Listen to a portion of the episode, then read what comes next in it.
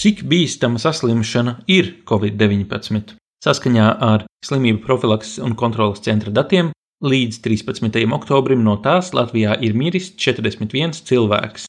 Tikmēr aktīvisti iestājas pret maskām, pulcēšanās ierobežojumiem un citiem noteikumiem, kas ieviesti nolūkā ierobežot slimības izplatību. Šodien rubrikā Ieklausāmies iepazīsimies ar divām jaunām sievietēm, kuru iespaidi par covid-19 ir būtiski atšķirīgi. Es esmu Augusts Kolums, un šis ir Savienots.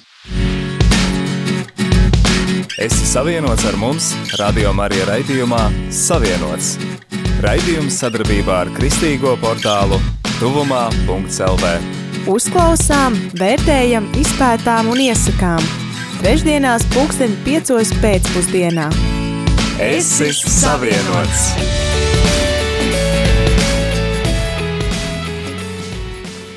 Rubrika Ieklausāmies! Ar tevi raidījums Savienots!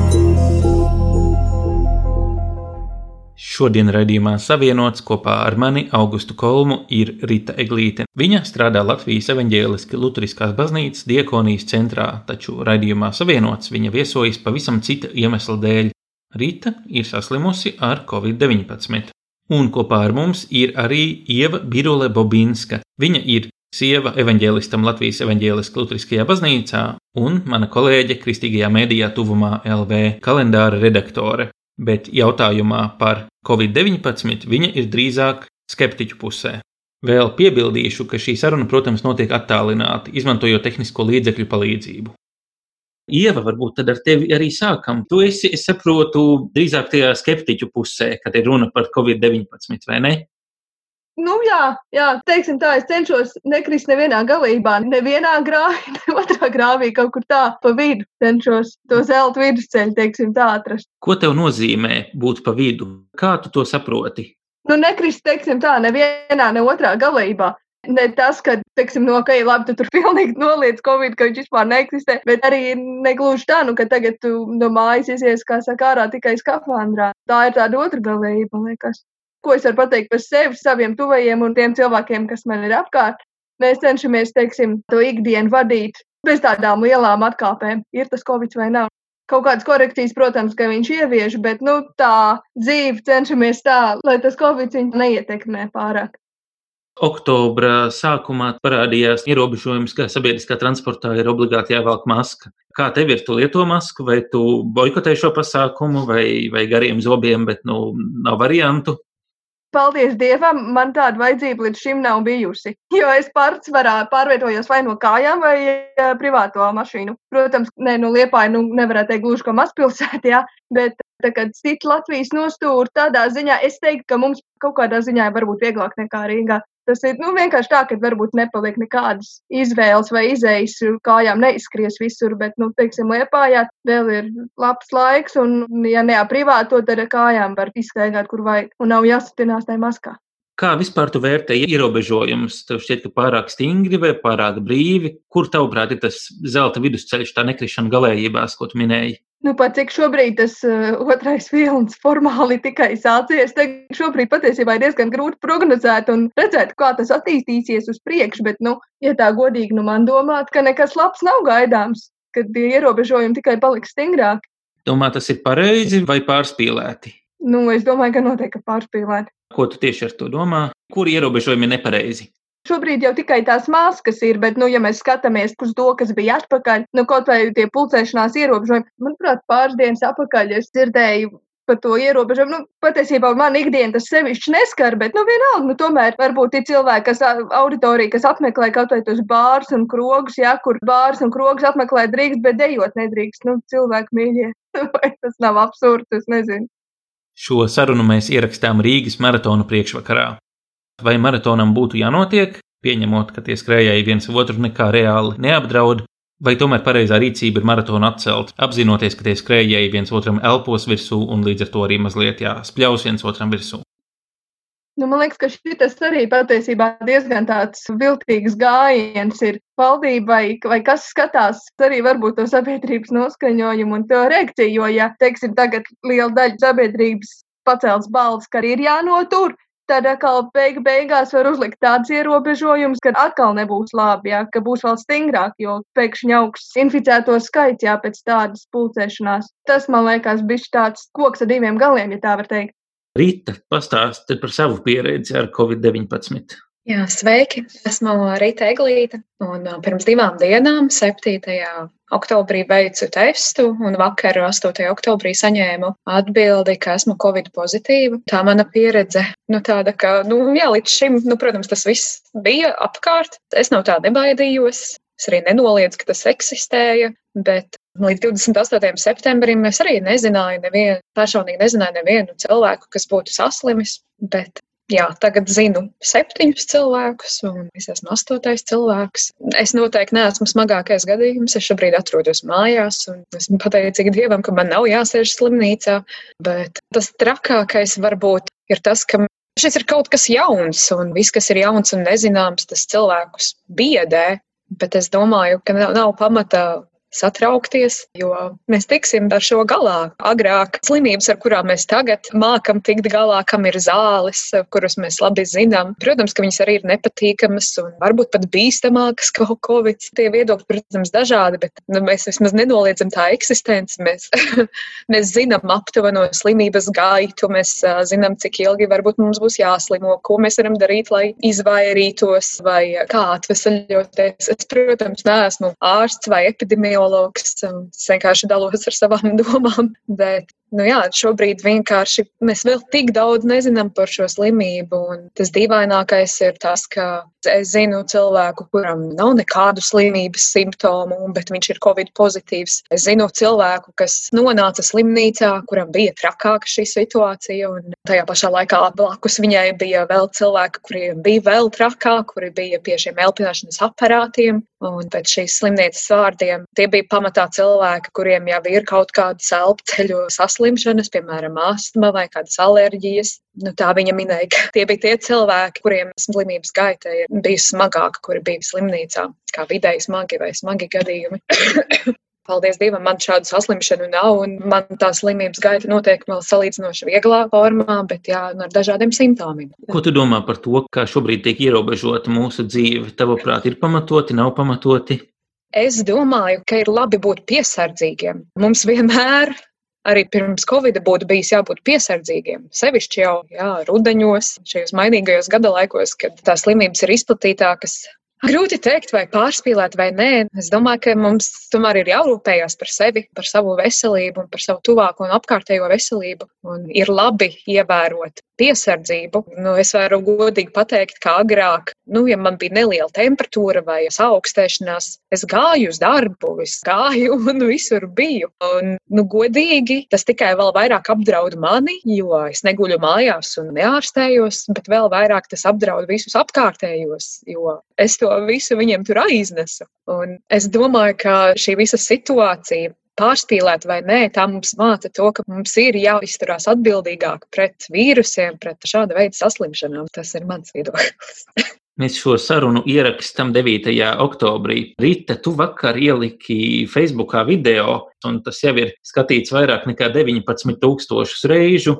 Vairāk nekā 300 komentāri un vairāk nekā 300 cilvēku ir ar to padalījušies. Šajā video tu stāsti par savu pieredzi ar covid-19 un aicini citus noticēt, ka šī slimība ir pavisam reāla. Lielākoties komentāri ir atbalstoši, izsaka tev savu atbalstu, līdzjūtību. Cilvēki saka, ka viņi aizlūgs par tevi, ka viņiem rūp, kā tev klājas, un tad ir daži nedaudzi, kuri saka, nu, ka īstiem dieva bērniem taču nekāds covid nevar pielikt. Un tad kādēļ gan visa šī drošība un šī piesardzība, un vai tad tiešām tas ir īsts covid? Ko tu par šo saki? Īstenībā man interesē jūsu abu viedoklis par šo. Jā, es teikšu atklāti un godīgi, ka es nepiedaru pie tās kristiešu grupas, kas uzskata, ka mēs vienmēr no visa tiksim pasargāti. Es neesmu atradusi Bībelē tādu pantu, kas man teiktu, ka tā būs. Kas man vienmēr ir būtībā tāds mans svarīgākais pants, un ko es vienmēr paturprātā, ir tas, ka es esmu ar jums līdz pasaules galam, un Dievs ir mums līdzās, jā, un Viņš var pasargāt, un paldies Dievam, mani viņš ilgi pasargāja. Bet es domāju, ka mums visiem vajadzētu atklāt sev uzdot jautājumu, vai mēs tiešām nekad neesam bijuši slimi, vai mēs nekad neesam izjutuši nekāda veida sāpes, covid vai nē. Mēs slimojam, mēs esam cilvēki, mēs esam šajā vidē, pasaulē, kas nav perfekta. Un šis komentārs, ko viens izlasīja, ka dieva bērniem jau vīrusi nepielīp, tas mani sāpināja nedaudz vairāk, un pēc šī komentāra arī pārstāju sekot līdzi visam citam, kas tiek rakstīts zem mana ievietotā video. Tas nedaudz liek uzdot jautājumus, vai es esmu slikts kristietis. Sāc uzdot sev kaut kādus nepatiesus jautājumus. Nu, vienmēr ir vērts, protams, sev tos uzdot, bet es domāju, ka, jā, skatoties arī Bībelē, nu, arī cilvēki, manuprāt, slimoja. Viņi Jānim Kristītājam nocirta galvu, Jēzu Kristu piesita krustā, mācekļus spīdzināja, mocīja, un gandrīz neviens apustulis nenomira normālā nāvē. Un Pāvils raksta par to, ka viņam bija kāds dzelonis ķermenī. Protams, es neesmu teologs. Es esmu dzirdējis daudz dažādas versijas par to, ko viņš domāja, bet tikpat labi tā varētu būt tiešām fiziska slimība. Jā, es ticu no visas sirds, ka Dievs mūs var pasargāt un dziedināt, un mēs varam dzert indes un visu kaut ko, Viņš mūs var pasargāt, ka tas mūs neietekmē ļauni, bet es neesmu sev saņēmusi tādu apsolījumu no Dieva, ka man nekad nekas nenotiks. Nu, notiks. Šī mūsu miesa ir zūdoša, un mēs arī kādu dienu nomirsim. Un Covid vienkārši ir viena daļa no tā, un, diemžēl, es saslimu, un ne es vienīgā kristiete tādās. Ieva, kādas ir tavas pārdomas par šo? Vai dieva bērni var saslimt ar covid? Jā, patiesībā diezgan līdzīgi kā Rītai. Man liekas, nu, tas ir tas patiesībā, ko es teicu sākumā. Tāda krišana vienā vai otrā galībā, vai ne? Nu, par to, ka kristietis nevar saslimt. Nē, nu, man personīgi šķiet, ka tā tas nav. Un arī mēs taču redzam, ne tikai skatoties Bībeles notikumos, bet patiesībā arī mūsdienās tik daudz gan kristiešiem, gan patiesībā gan mācītāji, gan, nu, pār visdažādākā, saka, līmeņa sākot no parastākā baznīcēm līdz hierarhiski augstākam garīdznieku amatam, kad ir ļoti bieži visādas traģēdijas un nelaimes tieši veselības sakarā skar. Un to, man liekas, tā nevarētu teikt, jā, ka kristietis tas nu neslimos tā. Tā nē. Tās skeptiskais skatījums uz šo saslimšanu, uz šo pandēmiju. Facebookā, teiksim, tiek izplatīti daudz un dažādi viedokļi. Tāpat bija, man šķiet, vairāk pavasara pusē cirkulēja šis tulkotais video, kur kāds, man šķiet, britu sazvērestību teoriju izplatītājs stāstīja par to, kā tas viss ir, ka tas viss ir kādā dziļa schēma, tas viss ir sacerēts un tā. Man ir manas pārdomas par šo, ko var arī izlasīt, sameklējot tuvumā LV rakstu patiesa sazvērestība vai vienkārši covidiotisms, kur es gari un plaši stāstu, ko es par to domāju. Bet šovakar man interesē, ko jūs par to domājat. No kurienes nāk šīs sazvērestības, vai tur ir kāds grauds patiesības? Es esmu dzirdējusi un arī apzināti meklējusi un klausījusies dažādus viedokļus. Un man vienmēr liekas skaisti un brīnišķīgi, ka cilvēkiem ir dažādi viedokļi. Tas ir tik skaisti. Jā, citādāk Mēs būtu kaut kādi roboti, kas domā vienādi pilnībā visos jautājumos. Man nav svarīgi, kā tas viss radās. Tas šobrīd vienkārši ir. Nu, un, ko man palīdzēs, ko man manā atvesļošanās periodā palīdzēs uzzināt vai zināt, vai tas ir mākslīgi radīts un palaists bioloģisks ierocis, Tas man noteikti neatvieglos slimošanas gaitu, tas manī nerada neko pozitīvu. Nu, es gribu cerēt, ka tas nav speciāli kaut kas radīts un ka šī konspirācija teorijā nav nekāda pamata. Un katrā ziņā, ja nu tā tomēr ir patiesība, es varu tikai, un to es arī daru, es vienkārši lūdzu par šiem cilvēkiem, lai Dievs par viņiem apžēlojas. Man kaut kā nav tik svarīgi, kāpēc. Tas vienkārši notika, tas ir, mums tagad ir jāiemācās ar to tikt galā un jādzīvot tālāk. Varbūt es no savas puses varu komentēt tas, nu, ka patiesībā to jau laiks rādīs, kas ir un kas nav. Jo patiesībā šobrīd esam tajā murga epicentrā. Jā.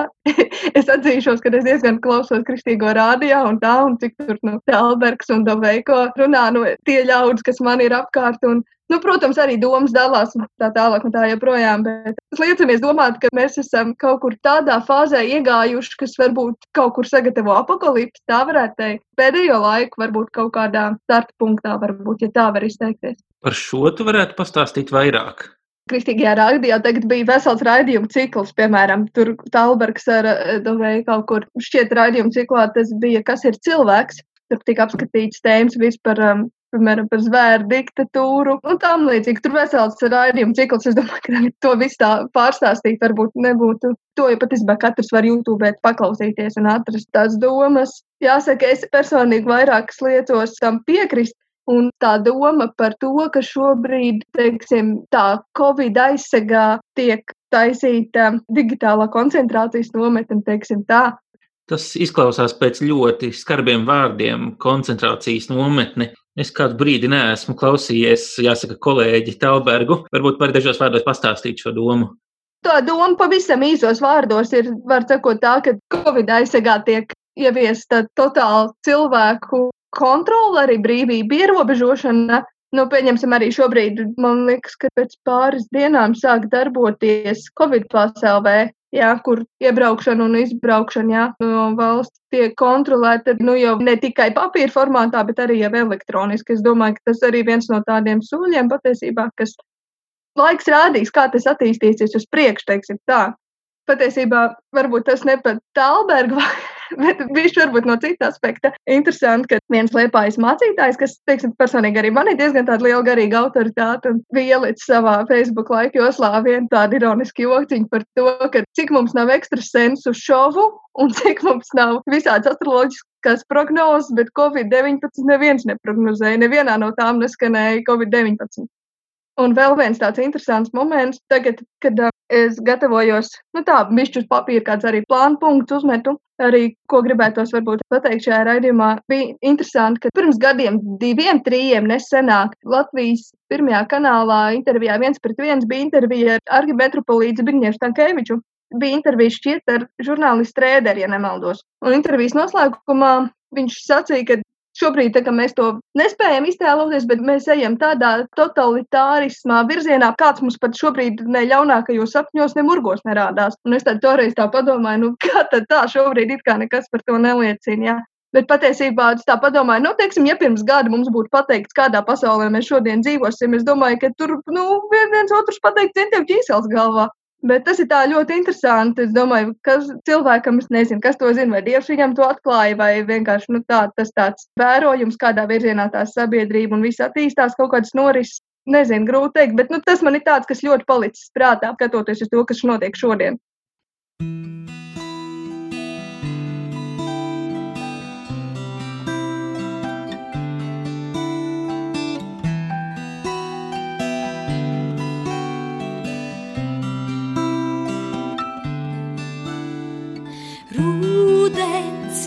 kraujas malas, atpūtis mani vērš.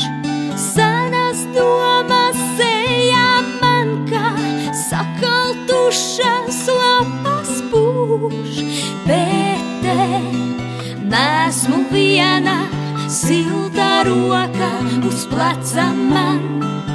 Apgriežos, skatos tālu.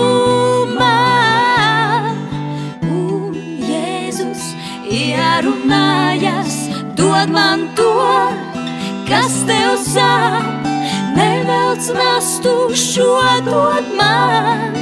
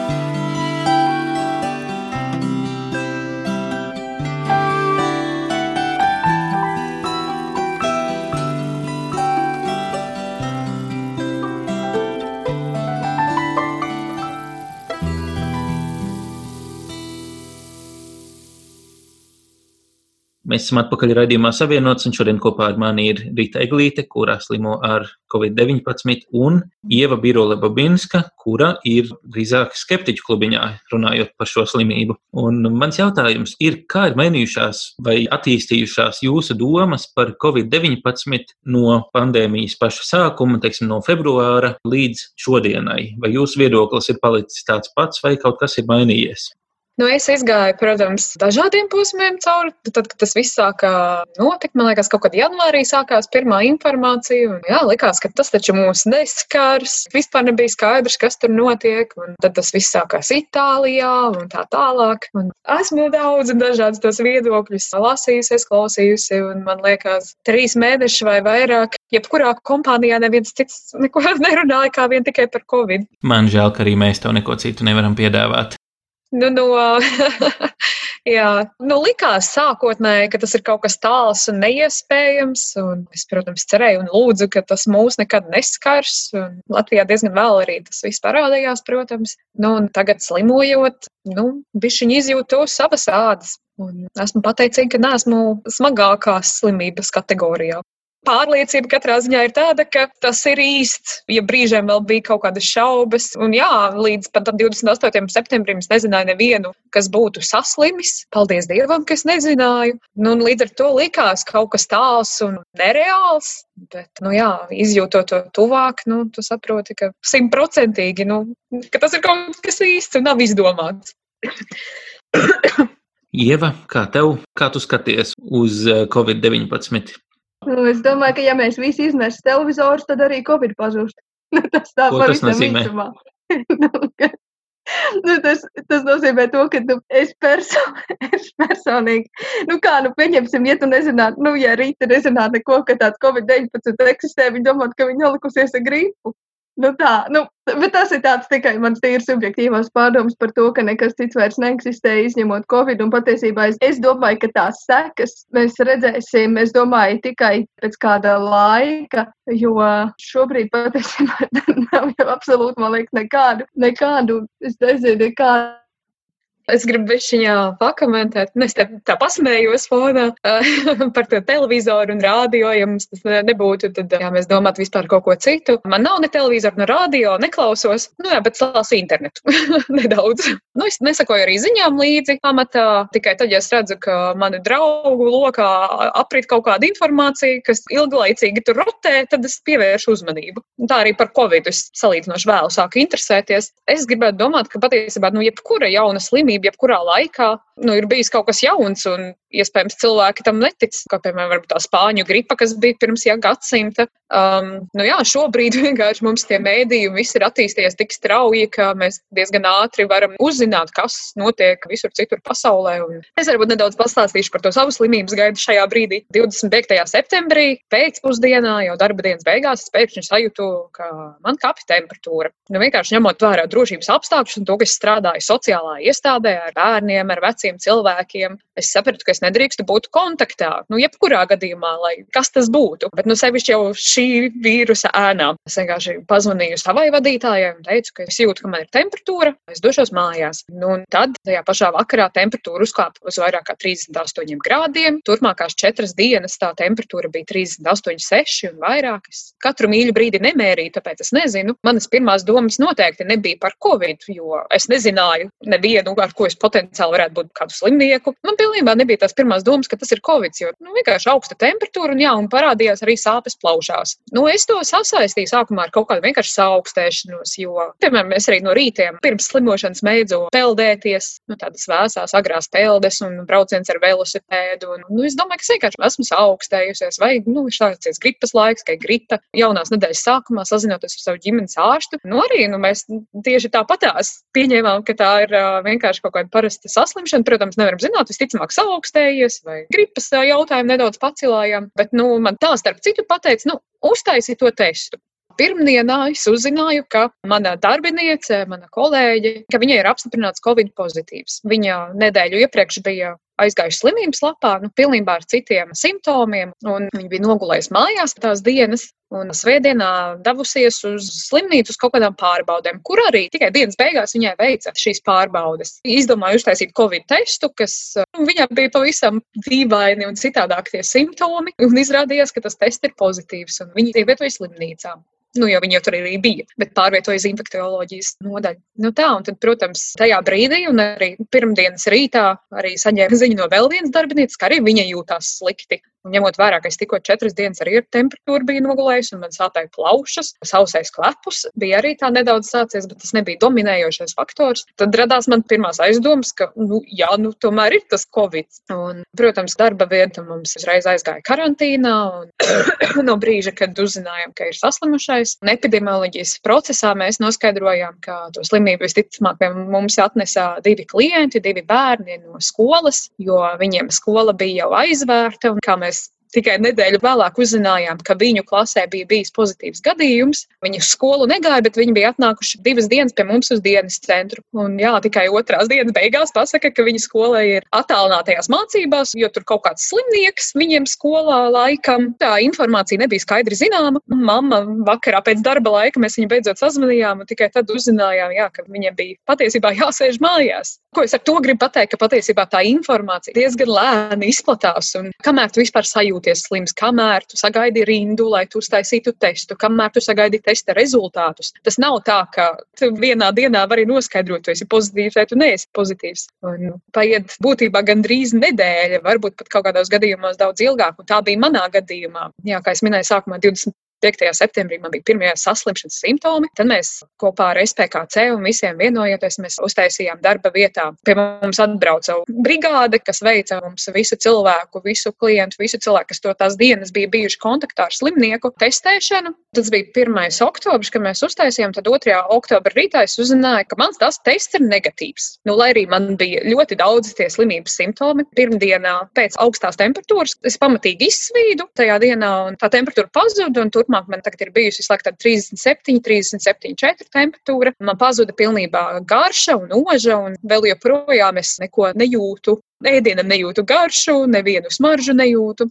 Un, jā, protams, tās plaušu sāpes, jā, un tādas grūtības reizēm elpot. Kopumā, ja man nav nekādu citu elpoceļu saslimšanu, man nav tik smagi. Nu, tad, kad es ilgstoši runāju, tad tā ir grūtāk ievilkt elpu, un es nevaru visu laiku ievilkt tā simtprocentīgi. Elpu tā kā parasti elpojot, ir, ir tāda aiztura, un brīžiem tā sajūta, vismaz priekš manis, ir tāda, ka vai nu kāds tā kā sēž virsū, vai ka tur ir kaut kāds korķis iesprūdis, vai ir brīži, kad tā kā dedzina, nu, ir tāda nedaudz dedzinoša sajūta, kas viss, nu, man ir bijuši plaušu kārsoņi, Un esmu slimojusi, piemēram, ilgstoši pusgada garumā ar infekciju, ar klepu. Es esmu izjutusi dažādu veidu tās sāpes, bet šādā veidā tas nekad nav bijis. Un Nu, jā, būtībā bija šajā nedēļā, pirmdienā, atkārtot sazinoties ar ģimenes ārstu. Tad šie simptomi viss nebija mazinājies. Es visu laiku biju ļoti lielā bezspēkā un nogurumā. Nu, būtībā pirmā nedēļa un nedaudz vairāk. Man tiešām bija ļoti liels nespēks. Es nevarēju nosēdēt tā, kā es, piemēram, šobrīd sēžu. Es nevarēju galvu noturēt. Un, lai aizietu, piemēram, līdz labierīcībām, man pa ceļam vajadzēja nedaudz atbalstīties, vai bija brīži, kad es vienkārši apgulos turpat uz grīdas un pagulēju, es vienkārši nevarēju tikt tālāk. Labā ziņa, ka šobrīd enerģija nedaudz atgriežas, bet tajā pašā laikā katra vienkārša darbība mani ļoti nogurdina. Vakardien, piemēram, saņēmos izslaucīt māju, lai no jāsteigā pa putekļiem, kas prasīja, nu jā, varbūt kādas 15 minūtes, bet pēc tam nācās vairāk kā stundu gulēt vienkāršā bezspēkā no nu, tādas elementāras darbības. Nu, ir labākas dienas, un, un ir dienas, kad ir ļoti liels nogurums kas ir tādi, nu, tie visi, ko es minēju, tādi laikam tādi pamata simptomi. Un, jā, šajā pirmdienā, piedodiet, es nezinu datumu, runājot ar ģimenes ārstu, sapratām, ka nu, mans tests bija negatīvs. Tātad teorētiski es neesmu covid slima, bet, ja tā būtu gripe, tad visticamāk jau man viss būtu cauri. Un es arī visu laiku nu, biju izrakstīts zāles, kuras es lietoju, un būtībā nekādu uzlabojumu, pilnībā nekādu. Un visu laiku tā situācija ir vienādi slikta, brīžiem sliktāk paliek. Un vienkārši doktori ieteica, nu, drošības pēc uztaisīt vēlreiz to testu. Nu, jā, un tāpēc 7. oktobrī es veicu atkārtotu testu, un 8. no rīta saņēmu atbildi, ka tas ir pozitīvs. Man tas nāca varbūt kā tāds atvieglojums, jo Es kaut kādā mērā jau domāju, ka visticamāk man ir, jo man darba vietā atklājās, ka trīs darbinieki ir saslimuši un trīs bērni. Nu, jau minūtos gadījumus, ko es teicu. Ņemot vērā, ka man tas kontakts ar viņiem visiem sešiem bija bijis trīs dienu garumā. Patiesībā es biju diezgan pārsteigts, saņemot negatīvu testu. Un, protams, jā, es iekšēji nedaudz apšaubu un domāju, vai tas tests nebija patiesa, vai viņš rāda vispār patiesību. Jā, manī arī iekšā, protams, ir jautājumi, bet man tas otrais tests tomēr nu, apstiprinājās kā pozitīvs. Nav tā, ka man nav simptomu, un tagad es esmu saņēmusi pozitīvu vērtējumu. Ir tie simptomi, ja esmu slima, ar visiem tipiskajiem simptomiem. Vismaz ir skaidrs, kas man ir. Tas manī nedaudz vairāk nomierina, jo kas tas cits varētu būt. Un man arī bija karantīna, es nevarēju aiziet pie ārsta vai uztaisīt kaut kādu rendigenu vai ko. Arī šobrīd nevaru.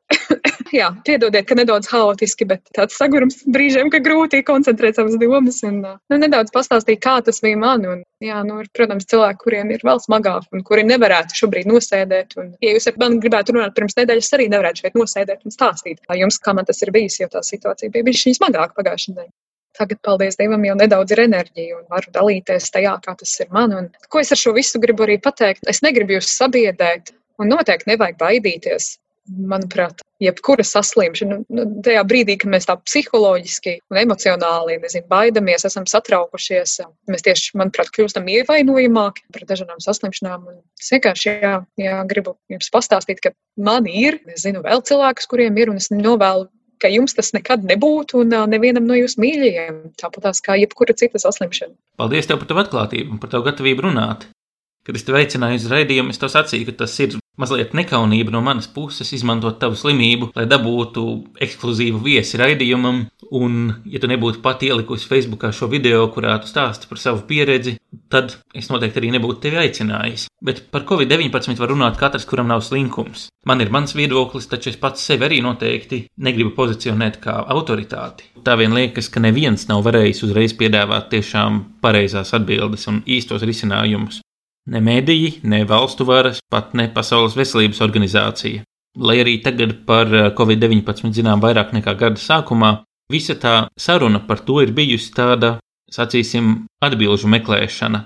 Kuri ir tie avoti, kam jūs uzticaties, meklējot informāciju par Covid-19? Varbūt es varētu sākt pavisam tā īsi ar to, kas nav mans autoritāts. mans autoritāts noteikti nav sekulārie mēdīji par to, kas ir mans autoritāts, tā noteikti ir personīgā un manu tuvinieku draugu, nu, katrā ziņā pazīstam cilvēku pieredze. Tas, ko tu esi redzējis un dzirdējis pats savām acīm. Es teiktu, ka tā, tā informācija vienalga attiecībā uz Covid vai vienalga arī patiesībā arī par jebkuru citu jautājumu. Vai tu uzskati, ka šāda informācija ir uzticama? Piemēram, no tīri izaicinājumam. Es nepazīstu nevienu cilvēku, kurš būtu bijis Azerbaidžānā. Vai Azerbaidžāna eksistē?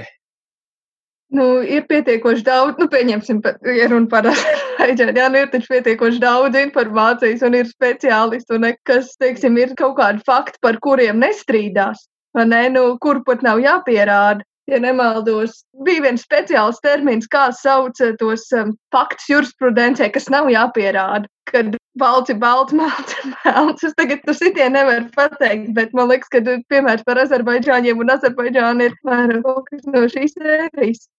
Bet runājot par tām autoritātēm, tas nav tādā līmenī, varbūt kā tu domā, apmēram, nu, kad nu, viena tāda teica. Tā nē, bet tieši kas ir, piemēram, noteikti arī tagad kas klausās, varbūt padomās, ka es kaut kādas sazvērstības teorijas te klāstu vai kā. Bet es nezinu, vai kādam, piemēram, vēl ir, teiksim, noslēpums, ka visā pandēmijas laikā tiek piedāvāts cilvēkiem, kas pat uh, nevienu brīdi nav nomiruši ar covid, ka viņiem tiek piedāvāts miršanas apliecībā ierakstīt covid. Nu, tas ir viens varbūt no tādiem aspektiem, kas man uzdod vairāk jautājumus nekā atbildes. Tas ir kaut kas no masu mēdījiem vai no pazīstamu cilvēku stāstiem? Nē, tas ir tieši no pazīstama. Tas ir tieši no pazīstama. Un starp citu mācītājs, kurš ir izvadījis tādus cilvēkus. Rita, kāds ir tavs skatījums, kam tu uzticies, kas ir uzticami avoti vai autoritātes jautājumā par Covid? -u?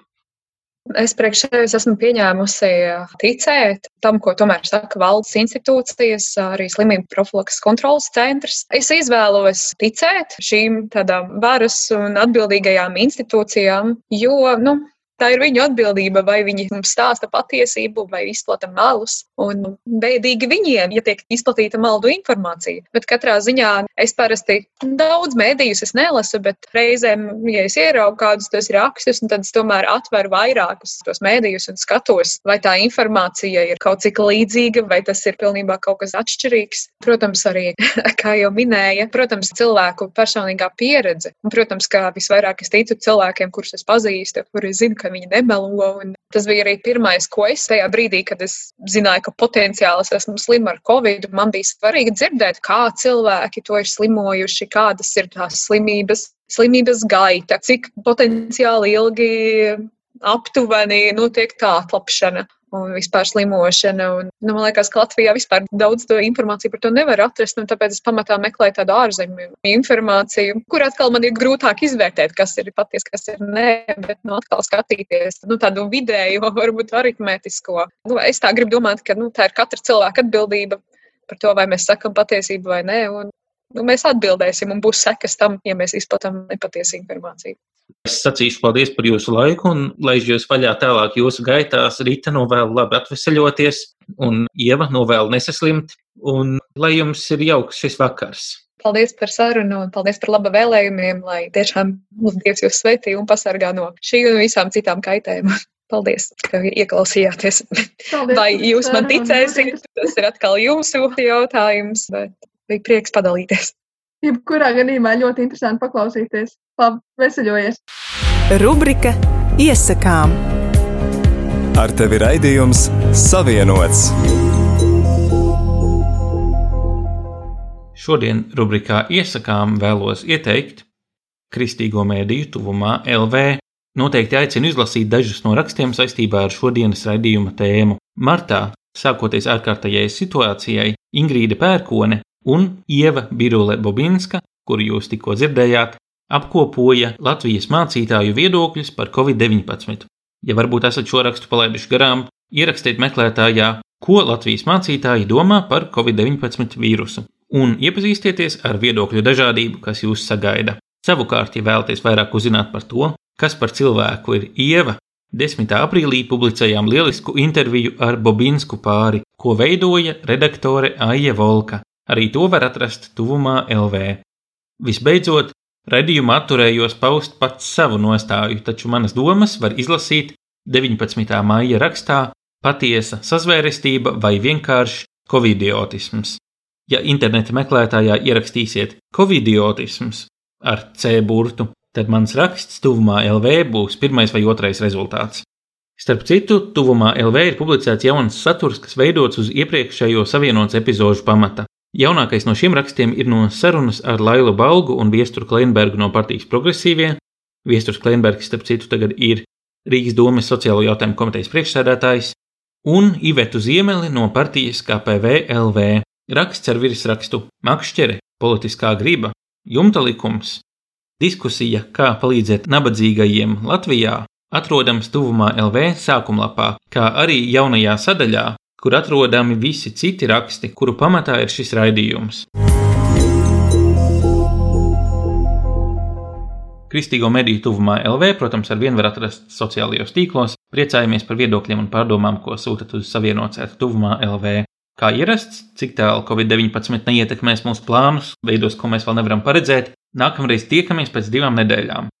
Es ar vienu esmu Augusts Kolums, un šis bija raidījums Savienots.